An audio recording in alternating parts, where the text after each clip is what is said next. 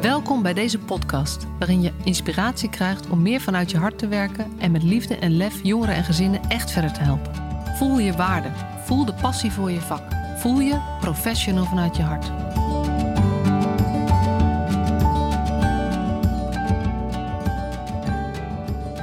Welkom weer in deze nieuwe aflevering van de Professional vanuit je hart podcast.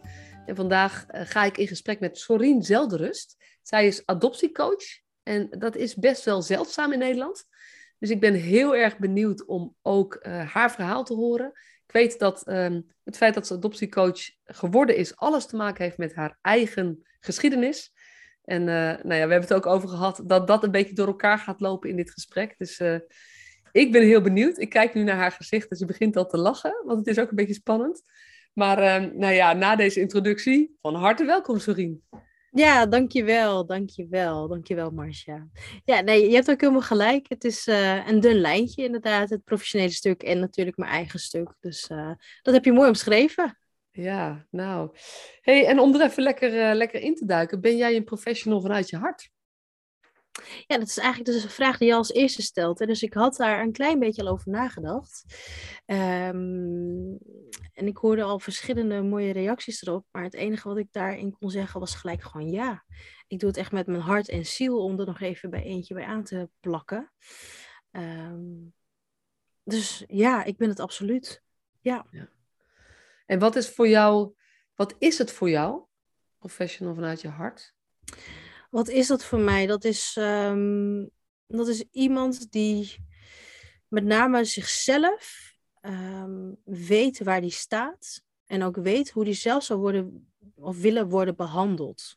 Dus dat je dat ook bij de ander doet. Dat is, ja, daar staat het voor mij echt voor. Dus dat je echt vanuit die beweging, wat heb ik zelf nodig of wat zou ik zelf nodig hebben om dat te kunnen doen. Ja. Mooie beschrijving. Dank je. Ook. Want ik denk ook wel eens van hoe vat ik het nou samen waar het over gaat. En uiteindelijk pikt ook vaak iedereen weer een eigen stukje eruit. En dat is prima. En deze is denk ik ook wel wat ik heel erg heb. Um, dat het inderdaad steeds over gaat als je, zeker als het ingewikkelder wordt en je gaat meer in je denken zitten van oh, wat moet ik doen of zo, dat je weer teruggaat naar, stel dat ik nou aan de andere kant zou zitten. Precies. Wat zou ik dan nou ja, fijn vinden, prettig vinden en dat meer gebruiken? Want we, weten, we raken dat, zeker als het ingewikkelder wordt, raken we dat vaak een beetje kwijt. Ja, klopt. En als het nou ja, bij mij dan wat ingewikkeld wordt, dan ga ik eigenlijk altijd terug naar de kern. Um, wat was de hoofdvraag, om zo maar te zeggen? Waarvoor deed ik dit? En dan is het ook omdat mijn eigen hart enorm veel pijn heeft gedaan en soms nog pijn doet. En dat er gewoon geen hulp voor was. Hè, wij hadden gewoon geen nazorg voor geadopteerden in mijn tijd. En um, toen ik mijn eigen adoptiecoach leerde kennen, merkte ik ook dat het. Ja, ik wil het niet een passie noemen. Het is meer een lot wat we dragen. Hè, een beweging. En toen had ik ook zoiets van ja, als dit gewoon niet verder groeit, dan zou het zonde zijn. Want dit is gewoon zoiets moois als je dat kunt doen als geadopteerde. Maar echt vanuit het gezonde hart, om zo maar te zeggen. Ja, precies. Weet je, het, het, om dit te kunnen doen, moet je iets van je eigen, um, uh, nou ja, je moet je eigen pijn onder ogen kunnen zien. En iets van, van, die pijn en dat hart helen. Klopt, ja. Om ja. echt een professional vanuit je hart te kunnen zijn, om met name het professionele stuk erbij kunnen pakken, moet je dat eigen hart verzorgd hebben of zoiets. Juist, ja, nou dat zeg je inderdaad mooi, inderdaad. Dat, uh, want als ik namelijk iets, hè, ik, ik misschien nu een beetje een raar voorbeeld, maar als ik zelf ook niet gezond leef en echt letterlijk voor mijn hart zorg, hè, dus alleen maar uh, vettigheid ga eten of wat dan ook, dan, hè, dan gaat je hart natuurlijk ook krimpen. Maar als je dat ook niet doet nou ja, met een geadopteerde, hè, vanuit trauma, uh, als je daar alleen maar ongezondheid in stopt, qua behandelingen en noem het maar op, voor jezelf, je gaat een ander daarmee helpen en coachen, dan is het heel ongezond. Dus vandaar wat jij ook zegt, hè, je hoort het wel eerst zelf aan te gaan in je eigen hart, nou ja, helen. Een beetje de kintsugi, om zo maar te zeggen. Dat je het gaat lijben met goud, waardoor je de wonden wel kunt zien, hè, de littekens. Uh, maar dat je ze wel kunt dragen en dat je er ook voor kunt staan met je eigen verantwoordelijkheid. Ja, oh mooi. Mooi. En dat is ook wat je, we hadden het al van tevoren even, wat is nou een adoptiecoach, zeg maar. En toen zei ik ook al van, het, um, het, is niet een ervaringsdeskundige, want het is een coach maar wel een voorwaarde om dit te doen. En nou ja, mag gaat zo meteen nog wat meer dieper erop in, maar we hadden het al van tevoren eventjes over. Is dat je wel je eigen stuk geheeld hebt. Dus je hebt een eigen ervaringsdeskundig stuk. Alleen is dat niet wat alleen maar op de voorgrond staat. Je bent ook gewoon Klopt. coach. Ja. ja, kijk, stel een uh, coachie komt bij mij, dan ga ik niet mijn eigen verhaal natuurlijk helemaal blootleggen en vertellen, want daarvoor komt hij of zij niet. Ja. Um, en het is wel belangrijk, uh, vind ik persoonlijk, dat als je iets aangaat en het is misschien een thema wat je nog raakt, dat je daar bewust van bent. En net zoals bij mij uh, vorig jaar was ik bevallen van mijn zoontje, van onze tweede. En toen merkte ik dat als ik toen in coaching ging met iemand die het over moederschap had, of over een postpartum depressie, dat het mij nog raakte. Dus dat was voor mij van hé, hey, dat is een dunne lijn waar ik nog niet te veel aan kan doen. Dus qua coaching heb ik dat ook aangegeven van ik denk dat het verstandiger is als je bij iemand anders gaat. Dus dat je ook je grenzen daarin weet, omdat je niet meer schade wil aanrichten. Ja. Zo, en dat, weet je, en dat, dat vraagt gewoon um, heel goed je eigen kwetsbare plekken ook, nou ja, je hoeft ze dus niet opgelost te hebben. Alleen als je ze tegenkomt, moet je dus ze durven erkennen. Hé, hey, dit is nog te Juist. kwetsbaar bij mezelf. En dat is wat je ook professioneel maakt. Ja. ja, kijk, en je hoeft niet alles op te lossen. Heel veel dingen in adoptie is ook niet op te lossen, maar je kunt het wel verzachten, noem ik het ook vaak. Uh, en daardoor kun je er ook mee leven en daardoor kun je het ook aangaan. Ja. En zoals als ik bijvoorbeeld een coaching heb uh, en ik merk van hé, hey, het raakt mij, maar ik voel dat er zachtheid op zit, dan is het ook goed. Ja. En zoals ik had laatst ook iemand, en dat ging ook over haar zoontje, dacht ik, oh ja, die raakt me even. Maar ik kan erbij blijven en ik kan ook in haar stuk blijven. Dat ik het niet ga overhevelen of uh, projecteren. Dat is gewoon ja. niet oké. Okay. En als dat zou gebeuren, dan zou ik het ook gelijk, uh, nou ja, halt toeroepen, om zo maar te zeggen. Ja. Ja. ja. Uh, mooi. Hey, en uh, kan je ons eens meenemen in, in wat, jouw, nou ja, wat jouw eigen verhaal is? Uh, nou, adoptie. en wat dat betekend heeft. Toen kwam je zelf een adoptiecoach tegen en nu ben je adoptiecoach. Nou ja, dit, ja. Is, dit is de samenvatting. Maar wat is nou, het dat was verhaal het. ervan? Ja, dit was het. Dank jullie wel ja. voor het luisteren. het was gezellig. Uh, ja. Nee, ik zit even te denken, dan uh, gaat al een tijdje terug. Ik heb eigenlijk uh, in mijn adoptiefamilie als eerste, voordat mensen daarover gaan vallen, ik heb een enorm liefdevol adoptiegezin. Ook mijn broers en zussen, dat is gewoon allemaal heel fijn. Um, maar ik heb me daar nooit thuis gevoeld. Ik heb mij daar nooit als hunzelfde gevoeld, om zo maar te zeggen. Dus het begon al vrij vroeg van, nou een beetje tegen aanschop. Ik ben niet zoals jullie, uh, jullie ja, begrijpen het niet, nou, noem het allemaal op. Um, dus ik heb een tijdje ook nou ja, niet fijn gevoeld, om zo maar te zeggen. En dat is pas later is dat weer teruggekomen. Uh, toen ik uh, nou ja, voor het eerst moeder werd. En toen kwam ik in aanraking onder andere met Hilbrand Westra. En um, nou ja, daar heb ik een heel verhaal mee gehad. En ik weet nog dat ik tegen me uit, uitsprak, letterlijk, ik ben klaar met mijn adoptie. En als ik dat nu zo terugdenk, dan denk ik, oh, dat is de, een van de meest, nou ja, onnozel wil ik niet zeggen, maar als ik nu zo aan terugdenk van, dat, dat, dat, dat, was gewoon zo ontkennend van mijzelf. Want adoptie is gewoon je hele leven lang. En je hebt thema's die af en toe worden aangeraakt, omdat wij gewoon, hè, onze primal wounds noemen wij dat. En de primaire wond die in je zit, die wordt af en toe gewoon even aangeraakt of er wordt even ingeprikt. Dus zo is eigenlijk het balletje gaan rollen. Uh, nou ja, hij, hij wou graag zijn kennis uh, nou ja, delen met ons. Hij had een opleiding. Nou, en zo ben ik eigenlijk ingerold. Ja. En nu, uh, bijna 4,5 jaar verder, zit ik hier ja. als adoptiecoach. systemisch ook nog ja, opgeleid erin. Het laatste half jaar. En en nu als adoptiecoach onderscheid ik me vooral in wie ik zelf ben, mijn eigen verhaal. En omdat ik ook boxcoaching erin geef. Dus ja. ja, dus dat is even in het kort. Ja, precies. En zou je toch nog iets meer kunnen vertellen over um, dat je niet thuis voelen? Want weet je, Tuurlijk. Je, datgene wat je nu doet, is, weet je, ik denk dat het ook, voor mij is het best onbekend terrein, behalve met wat ik er, nou ja, ik heb er natuurlijk wel iets, weet ik ervan. En ik ben wel meer bewust, denk ik.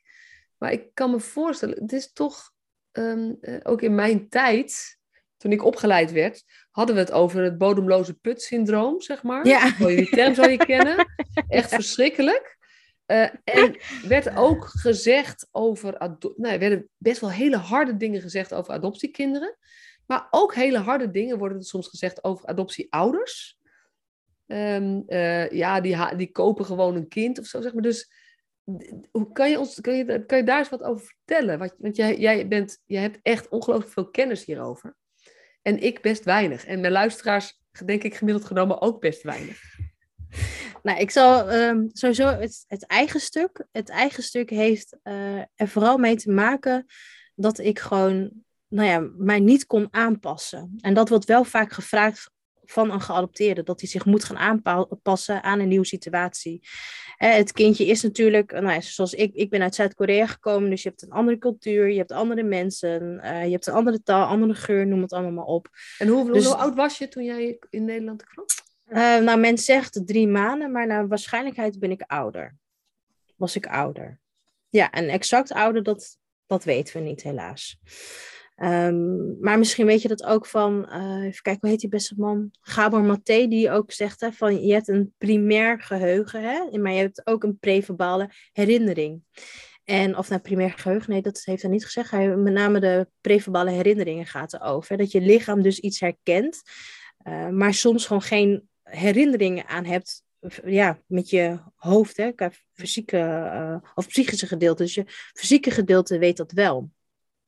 En dat is ook een beetje hetgene waar ik heel veel moeite mee had. Van hé, hey, ik voel in mijn lijf, dit klopt niet. Ik hoor hier niet thuis.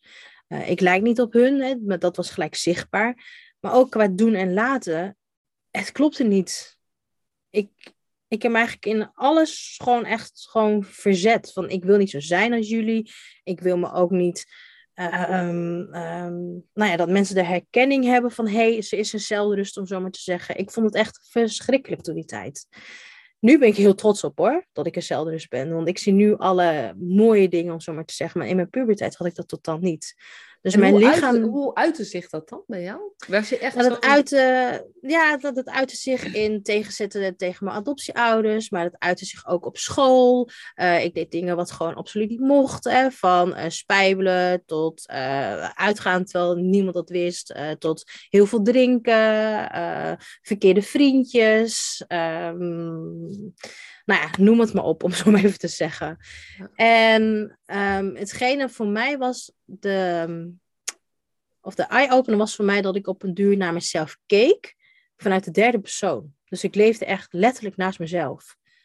En dat is die derde, dus het gezonde deel eigenlijk zei van, joh, maar wat ben je aan het doen? Waarom doe je dit? En dat was voor mij de trigger van, ik moet nu echt wel wat gaan doen qua verandering. En hoe oud was je toen? Ik was toen denk ik een jaar of 21, 22. Ja. En, nou ja, en ook uh, best zelfbewust, zeg maar. Nou, als ik zo naar je luister, uh, ook um, gewend om over dingen na te denken. Dus, dus je, je kan in die zin ook goed overstijgen. Want ik probeer me ook eventjes nou ja, te verplaatsen of voor te stellen in, maar hoe is dat dan voor kinderen, zeg maar? Dus, dus een negenjarige, weet je, een zesjarige, een negenjarige, twaalf, vijftien, die nog niet op die manier naar zichzelf kunnen kijken. Ja. En die dan zo klem zitten. Want dat is eigenlijk wat je beschrijft. Want ik hoorde er niet bij, ik wist niet wie ik was. Ik wist ook niet wie ik wilde zijn. Want het is zo fundamenteel, deze vraag. Ja, absoluut. Um, dat is, ja, ik weet zelf dat ik als jonger kind eigenlijk ook niet goed kon passen in, in de maatschappij die er toen was. Ik weet ook wel dat ik vriendjes en vriendinnetjes, die kon ik ook niet bij me houden. Er was altijd wel iets. En um, dat heeft denk ik ook mee te maken dat ik me nooit veilig heb gevoeld. En als ik daar nu zo aan terugdenk, dan moet ik gelijk aan mijn zoontje ook denken. Die is na de bevalling is gelijk weggehaald bij mij, omdat hij niet zelfstandig kon ademen. En die is, nou die is geen maanden weg geweest bij mij. Die is even weg geweest. Volgens mij een dag. Maar ik weet wel dat hij nu, zodra ik uit zijn buurt ben, dat er lichte paniek ontstaat. En dat was voor mij ook weer de bevestiging van, hé, hey, een kind heeft echt wel zijn moeder zijn haven nodig om veilig te kunnen ontdekken. En tuurlijk wist ik dat met mijn hoofd en mijn lijf ook wel. Maar om dat toch dan weer even te zien bij je eigen kind. Hè, en wat jij nu ook zegt, hè, van goh, hoe zat het dan, of hoe zit het dan voor een, iemand van negen of acht jaar? Als die veilige basis, die haven er niet is voor het kind, dan kan die dus ook moeilijk gaan verbinden met zichzelf. En ook moeilijk dus vertrouwen gaan krijgen in wie die is. En ik heb ook het gevoel dat ik dat ook heel erg heb gemist. Gewoon die verbinding met mezelf en vooral dat, dat vertrouwen. Dat ik anders mocht zijn dan de ander. En ik weet dat mijn adoptieouders dat echt uit goede bedoelingen hebben gedaan. Om te zeggen, ja, maar je moet meegaan met ons. Of nou, niet zo letterlijk, maar hè, je bent nu hier, je hoort hier te zijn. Uh, hè, ehm, dus dat ik mezelf moest aan gaan passen. Maar omdat het dus niet veilig genoeg voelde voor mij, werd het nog lastiger. En het voelde niet veilig, omdat het ten diepste onbekend bleef. Ja. Ja, en ook omdat het geen gehoor aan gaf, geen erkenning van Gosserien, het klopt, je bent anders. Je bent geadopteerd. Je bent inderdaad geen kind van ons. Je komt inderdaad uit Zuid-Korea, dus je kan een andere cultuur uh, hebben en noem het maar op. Dus het is oké. Puur die erkenning van je mag je zo voelen. Omdat dat er niet was, heeft voor mij zoveel in beweging gebracht, omdat ik gewoon maar niet gezien werd. En ja, en dan gaan alle nood, plannen aan. Van ja. zelfmoordgedachten tot, nou ja, noem het allemaal maar op. Uh, tot drinken, tot uitgaan. Verkeerde vriendjes, wat ik net al aangaf. Um, ja, dan gaat je hele systeem gewoon ineens compleet in de war. Om te kijken, waar krijg ik die aandacht wel? En weet je, je bent, ik vind het heel mooi ook hoe je begint met even rechtzetten. Eh, je, je ouders zijn gewoon, je adoptieouders zijn liefdevol gezin en, enzovoort. En, en je vertelt hier ook open over. Dus ik neem aan dat je ook met hen er wel over gesproken hebt, deze thema's. Ja, ja, ja zeker, zeker. Ja, ja. En, wat, en wat zeggen zij daar dan nu achteraf over, zeg maar? Met, nou ja, met, met ook wat jij nu met hen deelt, hoe het voor jou is geweest? Ja, dat is wel een uh, lastige. Um, omdat er namelijk zoveel in beweging is en er is eigenlijk zoveel veranderd. Um, en ik merk dat daar toch iets op zit nog bij mij qua uh, goedkeuring of zo. Of, of ik dat wel kan zeggen of niet. Ja. Snap je wat ik bedoel? Dat is weer dat systemische stukje dan. Um, omdat ik daarmee ook hun kwetsbaarheid dan laat zien. Ja, ja precies. Want zij hebben, als ik je goed begrijp, naar best te kunnen en weten en alle liefde geprobeerd het zo goed mogelijk te doen voor jou. Ja. En dat wil je ook erkennen. En tegelijkertijd was het voor jou niet oké zoals het was. Klopt. En die twee dingen, dat, zijn, dat zijn, zijn, is een dualiteit, een polariteit, zeg maar, die niet, die gewoon heel pijnlijk is voor allebei eigenlijk. Ja, en ik heb het met mijn adoptievader ehm, heb ik er wel nog over gehad. Omdat hij ook qua politiek gezien en zo uh, ook, ook nou ja, veel heeft meegekregen over de commissie Joustra natuurlijk. dat uh, de hele adoptiegebeuren ook stop werd gezet. En ik denk dat negen van de tien adoptieouders dat heeft, dat ze graag het kind willen begrijpen. Dus hè, de geadopteerde willen ze begrijpen. Um, en het enige wat je daarin kan doen, en dat heb ik ook tegen hem gezegd, van ga naast me staan. Luister naar me maar zoek geen oplossing. En ik heb nu natuurlijk ook de leeftijd dat ik het, het zelf ook kan en dat ik het zelf kan dragen. En ik denk dat dat heel veel adoptieouders hebben van, maar ik wil het goed doen. Uh, hè, het adoptiekind uh, moet slagen, om zo maar te zeggen. We hebben ze een kans gegeven. Dus als het adoptiekind niet slaagt, hè, dat, is ook wat, dat was ook een beetje in mijn geval, gaan hun natuurlijk die verantwoordelijkheid voor opnemen, wat natuurlijk heel goed is. Maar sommigen die lopen daar ook gewoon voor weg. En dan komt, hè, als we dan even het koppeltje maken naar de jeugdzorg, dan komen veel geadopteerden in de jeugdzorg terecht. Dus eigenlijk uh, begint het al bij de ouder zelf. Of je nou adoptieouder bent of ouder. Het begint echt bij jezelf. Hoe ga je zelf met jouw kind om, maar ook met je eigen verantwoordelijkheden en je eigen trauma's erin.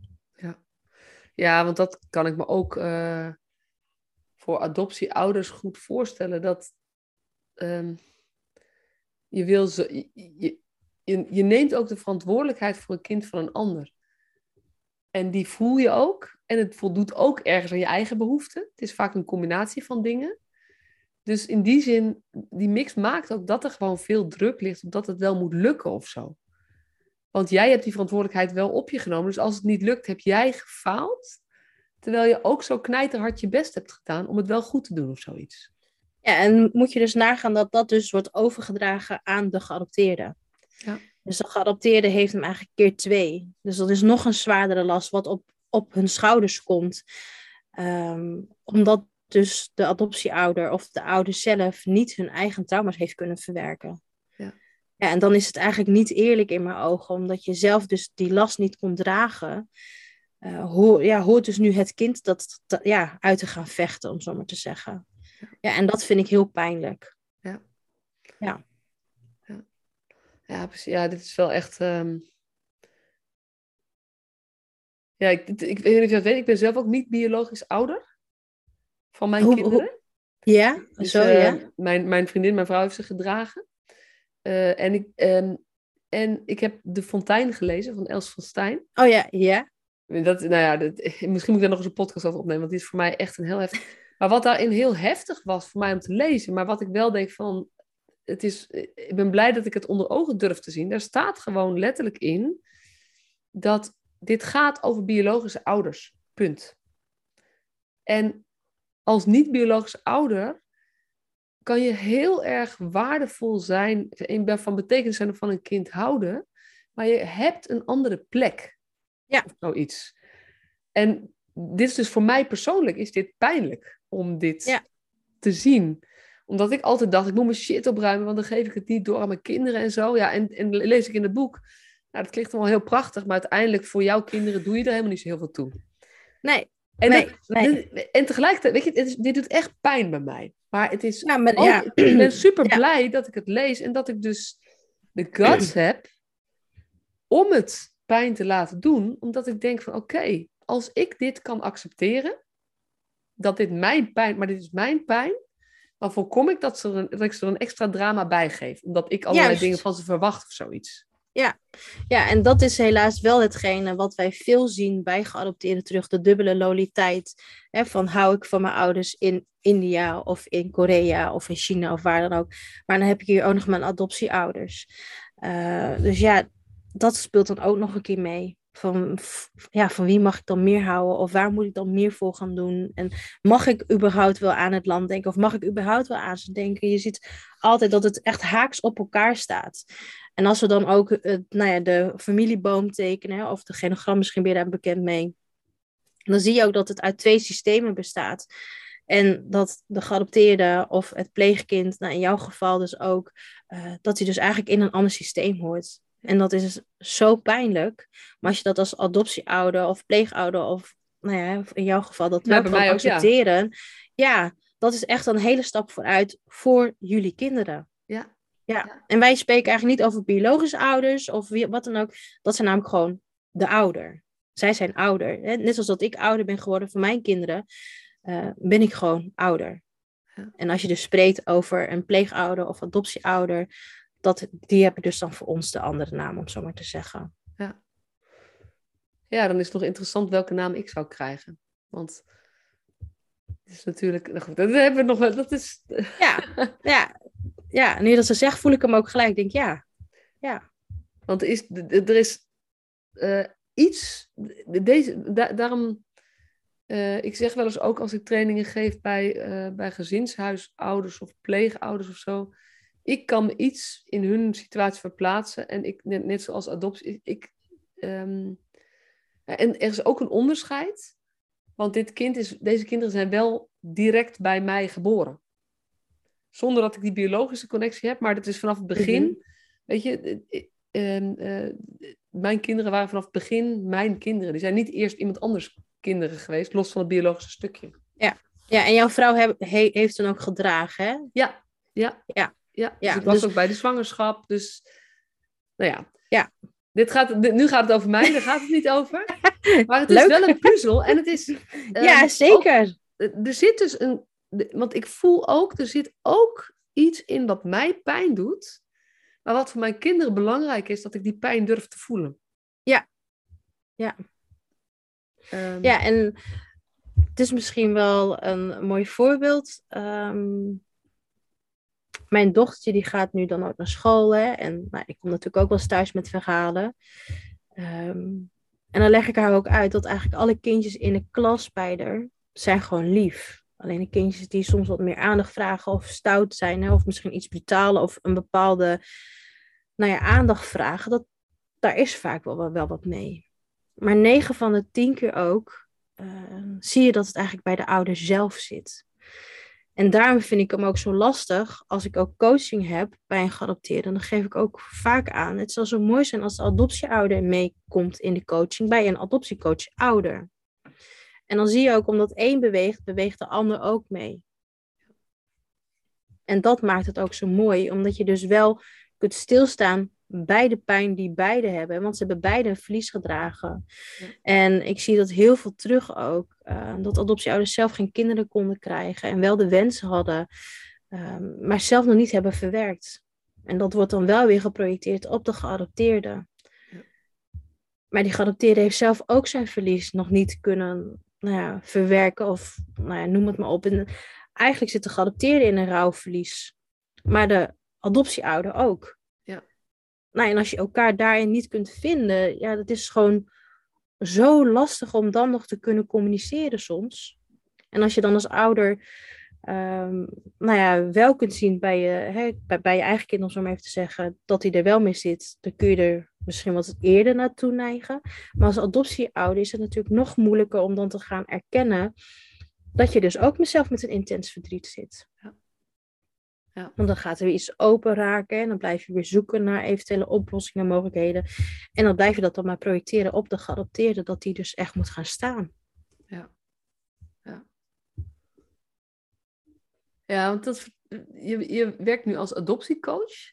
Mm en uh, dat, dus je werkt veel met, uh, ik, ik, ja, met, met jongeren. Ik weet, met, met, gericht op jongeren of, of ook gewoon volwassenen? Ja, ook volwassenen. Ja, ja mijn oudste is denk ik 55. Ja, precies. Ja. ja, en de jongste voor mij is 15. Ja. ja. En maakt het nou, want het is toch een andere tijd ook, um, zeg maar, de tijd dat jij geadopteerd werd, nou, degene van 55 is nog wat ouder. Uh, en uh, degene van 15, toen waren er al echt, weet je, toen was er al meer bekend ook over um, nou ja, waar, je, waar je rekening mee moet houden. Maakt het voor de thematiek veel verschil um, wanneer, of is eigenlijk blijft de thematiek hetzelfde? In principe blijft hetzelfde. Het is wel dat het verschil maakt of um, qua opvoeding, maar ook of, of iemand nog thuis woont bij zijn, ja, bij zijn adoptieouders dan of niet. Want ik kan er wel coachen uh, bij iemand die jonger is, maar als hij dan weer naar huis gaat en die vertelt erover, ja, dan kan het binnen vijf minuten weer weg zijn, om zo maar te zeggen. Dus daarom vind ik het wel belangrijk dat, de adoptieouders ook meegaan in coaching. Dat ze ook zien wat het doet met hun uh, adoptiekind, om zo maar te zeggen. Maar als iemand van 55, uh, eh, nou ja, die heeft een andere reflectie, uh, die, die heeft ook een andere opvoeding vaak meegemaakt. Dan zie je wel dat die wat moeizamer, maar soms ook heel snel kunnen gaan bewegen. Dus dat is ook qua persoon afhankelijk. En ook qua opvoeding weer. ja. En is het nou zo dat er, als, de, als, je, als je kijkt nu naar de jongere geadopteerden vergeleken met de oudere geadopteerden, dat er meer bekend is over waar je vandaan komt? Nee, nee. Nee, ik zie helaas nog steeds bij jongeren ook dat daar ook acting moms, hè, dat zijn gewoon moeders die deden alsof zij de moeder waren van iemand. Uh, maar je ziet ook dat sommige dossiers nog steeds niet kloppen. Dus ja, helaas houden we dat. Ja. En, en hoe is dat bij jou zelf gegaan? Ik ze zeggen drie maanden, maar waarschijnlijk iets ouder. Um, ik, ik was altijd ervan overtuigd dat alles klopte in mijn dossier. Totdat ik de laatste keer naar Korea ging en ik daar zat met mijn man. Um, en ik een foto zag van iemand die eigenlijk heel gewoon mij leek en ook in mijn dossier zat, die foto. Maar die haalden ze heel snel weg. En ik had er foto's van gemaakt. En toen ik thuis kwam, heb ik ze weer bekeken. Dus er stond er een andere naam op ook. En een andere geboortedatum. En toen begonnen bij mij allemaal belletjes te rinkelen. Toen heb ik nog een keer mijn dossier laten uh, vertalen, ook nog een keer. Want ze hadden toen hier vertaald in Nederland toen ik aankwam. Dus in uh, Dat was uh, in, 19, ja, in 1986 kwam ik hier toen heen. Dus ik heb me toen nog een keer laten vertalen, nu, in de, in de tijd van nu, door een Koreaan ook. En nou ja, er kwamen hele andere dingen ineens uit. Dus ja, dat was voor mij wel een, uh, een eye-opener. Dus ja. als ik je goed begrijp, je, je had je dossier vertaald in het Nederlands. En dat is eigenlijk altijd je basis geweest waarvan je dacht, dit klopt. Ja. En toen zag je, je toen ben je naar Korea, was je in Korea, toen heb je je originele dossier gezien. Ja. Met een foto die snel weggehaald werd. Ja. En dat je toen dacht, hé, hey, maar ik laat het dus opnieuw vertalen. En dat bleek gewoon een ander verhaal dan wat jij altijd gezien hebt. Klopt, ja. Ja. Dus dat was bij mij wel eventjes een, nou ja, een, ja, een shock. Ja. ja.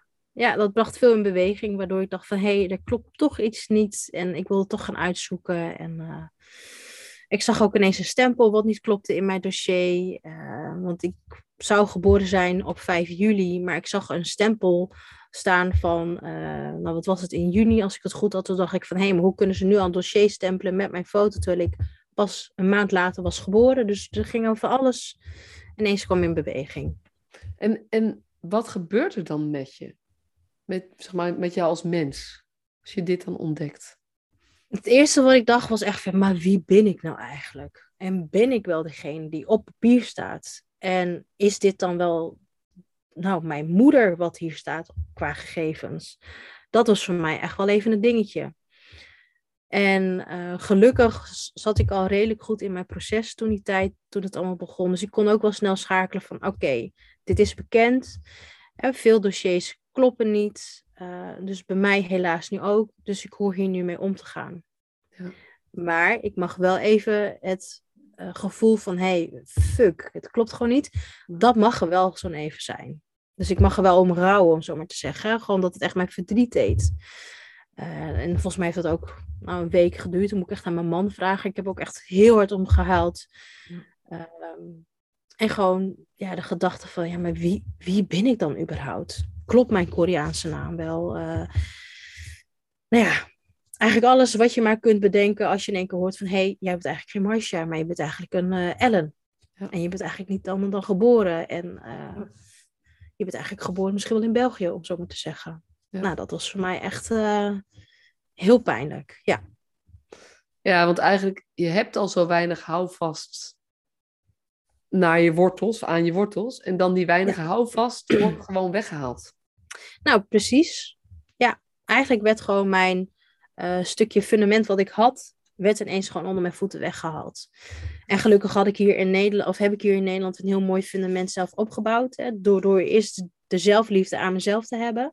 En daarna de liefde die ik heb met mijn, met, met mijn man en met mijn twee kindjes nu. Dus dat staat gewoon nu. Maar dat fundament in Korea werd wel even wankelen op dat moment. Ja. Dus ja, de neiging om weer terug te gaan werd minder. Um, ja, het Koreaans eten werd minder. Uh, het Koreaanse muziek, de drama-series, uh, om zo te zeggen, werd ineens allemaal minder. Maar ja, je kunt het gewoon niet wegstoppen, want ik ben het. Ik ben Koreaans en ik ben er enorm trots op. Dus het mag gewoon ook worden gezien. En nou ja, toen het weer wat rustiger werd, kwam het eten weer en alles kwam er ook weer bij. Ja. ja. Ja dan krijg je gewoon een, eh, een, een, nou ja, ik ben ook Gabor Maté eh, fan, zeg maar, en ben veel aan het verdiepen in trauma, ook voor mezelf. Maar dan is het natuurlijk, heb je gewoon een traumareactie. En dan doe je even flight en dan zeg je, ja, fuck you. Ja. En dan moet je even uit die trauma-respons, ja, zeg maar. En dan kan je weer gaan kijken, oké, weet je, wat is nu de nieuwe werkelijkheid? En uh, ja. hoe ga ik daarmee om? Ja. ja, en hij zegt het ook mooi, hè, van um, um, trauma is not what, um, what happens, happens, to you. Ja, yeah, it is what inside uh, ja. in happens inside of you, zoiets, ja. Ja, klopt. Ja. ja. Ja, en dat vind ik gewoon een hele mooie, want het gebeurt ook echt uh, in mij. dus het, moet zich er ook, zeg maar, um, een weg vinden om het er ook weer uit te kunnen gaan. Maar als ik het dus opsla en ik deed er niks mee, want ik merkte, het raakt mij en ik kan wel in mijn overlevingsstand gaan, hè, van ik moet door, door, door en alles. Uh, maar om er wel bij stil te staan en te voelen wat er met mij doet en waar het raakt en welke thema's het raakt, kan ik daarmee ook weer aan de slag gaan. Ja. Door het dus milder te maken. En dus voor een volgende keer kan het mij minder raken. Ja, ja, ja maar, en dat het... maar wat je net vertelt, zeg maar, en het voorbeeld ook, dan denk ik, het gaat over zulke fundamentele trauma's Ja. ook. Dat, de, ehm, dat, dat is bijna niet voor te stellen. Dat, dat, dat is gewoon eigenlijk, nee, niet, niet bijna niet, dat is niet voor te stellen. Ja. Omdat het gaat over je existentie, over je bestaan of zo. Ja, nou ja, ja dat, het is gewoon inderdaad mijn bestaan. En ehm, zij heeft een hele mooie tekening gemaakt. Joom heet zij. Ehm, en dat is een klein poppetje die wortels heeft uit, uit de voeten, zeg maar. Of eigenlijk uit haar lijfje. En die zijn dan afgeknipt. En misschien voel je hem wel, als je dat doet met een plant en je knipt de wortels ervan af, dan kan hij soms ook niet meer gaan wortelen op een nieuwe plek. En dat is eigenlijk ook wat er bij ons is gebeurd. Onze wortels zijn afgesneden en we zijn in alle grond neergezet. Eigenlijk in klei, om zo te zeggen. Nederland staat het meest uit klei. Ja, en ga daar maar eens in wortelen. Dat is gewoon enorm moeilijk. En ik ben blij dat ik dat nu kan. Ik merk gewoon, mijn wortels schieten nu hier de grond in. En ik voel me gewoon veilig. En ik heb gewoon die basis dat ik het kan. Maar het heeft echt tijd gekost. Ja. Ja. Ik heb eh, een driejarige opleiding gedaan bij Phoenix. Professionele communicatie heet dat. En eh, ik weet niet of het, in mijn beleving was het de eerste dag, maar ehm, dat was voor mij de heftigste op, opdracht van de hele opleiding. En dat was schrijf een brief aan je wortels. Oh, joh. ja, daar haak ik ook af.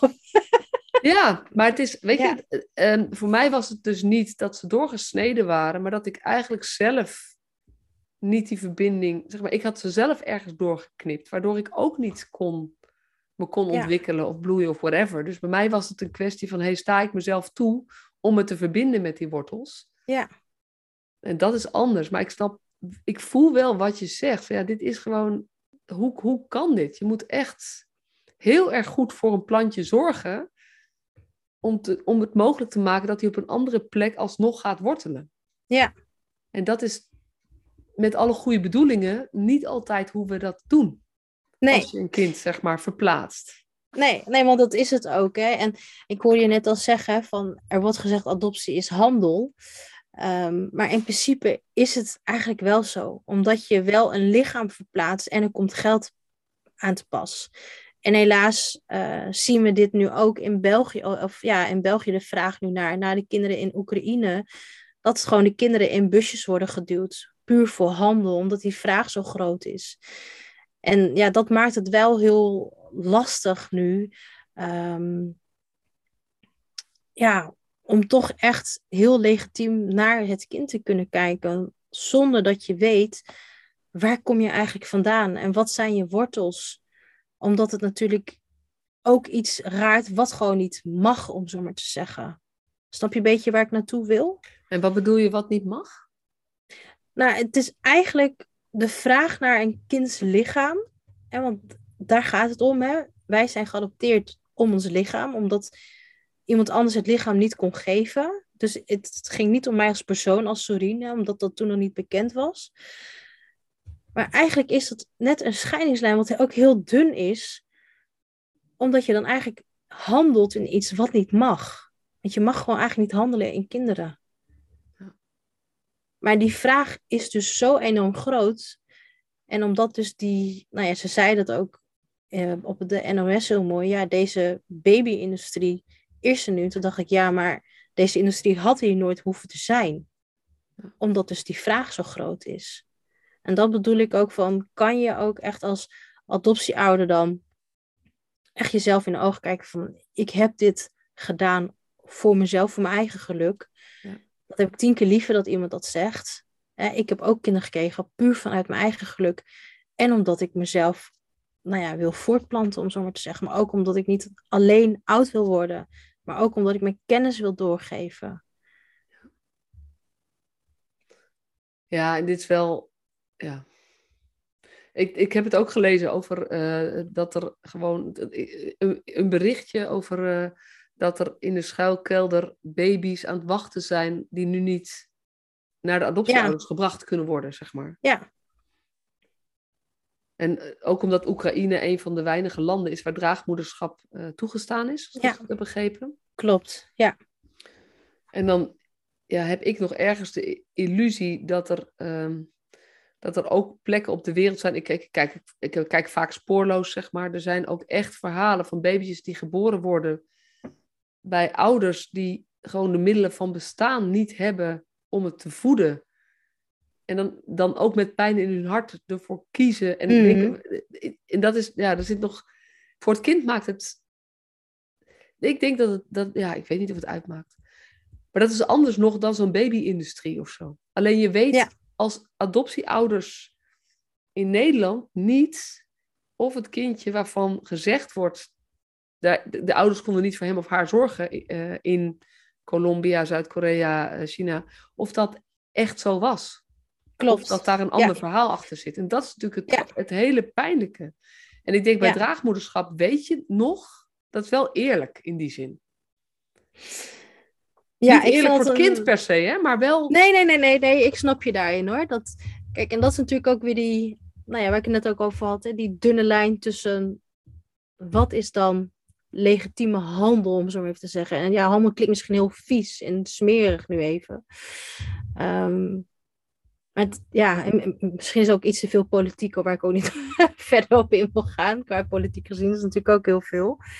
Maar ja, een kind he- heeft in mijn ogen ehm, de beste basis gewoon bij zijn moeder. En als die er gewoon niet is, dan heeft het kind al eigenlijk gelijk een valse start. Want dan heeft hij zoveel te ja, voortduren. En nu helemaal natuurlijk en met die kindjes ook dan daar. Ze liggen daar dus nu in een schuilkelder te wachten op hun nieuwe ouders, op hun adoptieouders. Ik denk, als mijn eigen kind daar zou liggen, ik zou er gelijk heen gaan. En dan maakt het me niet uit wat me tegenhoudt. Dus dat vind ik een hele lastige. En dan denk ik, ja, pleegzorg vind ik tien keer mooier, om zo maar te zeggen. Tuurlijk, er zijn altijd schrijnende verhalen. En er zijn altijd verhalen, hè, net zoals eh, met adoptie, dat het echt niet anders kon. Of wat dan ook. En ik wil het echt niet heel negatief neerzetten hoor. Absoluut niet. Want ik weet ook hè, de mooie kanten ervan. Hè, Als ik ook nu naar mezelf kijk, hoe, eh, nou ja, hoe sterk ik eruit ben gekomen. Ehm, maar het vergt wel nou ja, een eye-opener voor als je het doet, om zo maar te zeggen. Dus dat je wel echt bewust bent van en het proces van de geadopteerde en het proces voor de adoptieouder. Want het is echt niet niks.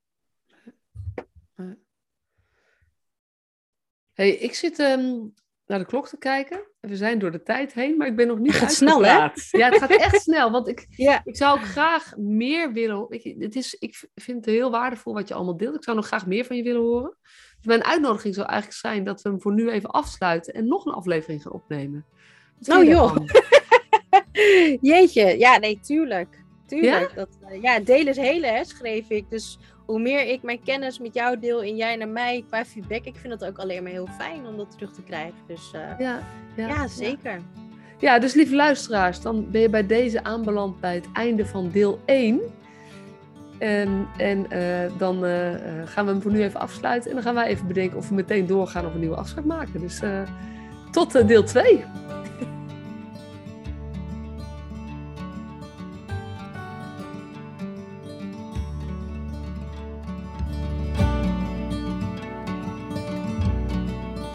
Superleuk dat je weer luisterde naar deze podcast. Dankjewel. Nog even kort een paar belangrijke dingen. Ten eerste, het is mijn missie dat de jeugdhulp weer een sector wordt waarin bevlogen, liefdevolle professionals jongeren en gezinnen echt verder helpen. Daarom maak ik deze podcast voor jou. Wil jij deel uitmaken van deze beweging van Professional vanuit je hart, waarin professionals elkaar steeds opnieuw inspireren? Begin dan met het lezen van mijn boek.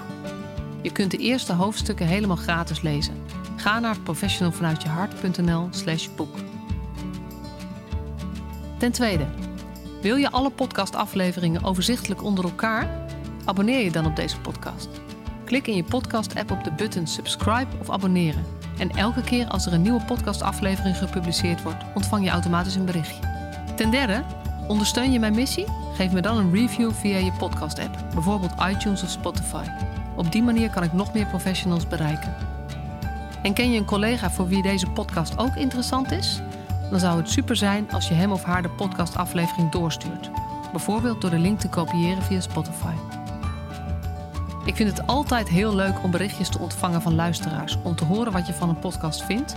Of als je misschien vragen of suggesties hebt. Of als een aflevering je een bepaald inzicht heeft gegeven of er iets in beweging is gekomen. Stuur me dan even een berichtje op masha.professionalvanuitjehart.nl via de website of stuur me een connectieverzoek op LinkedIn.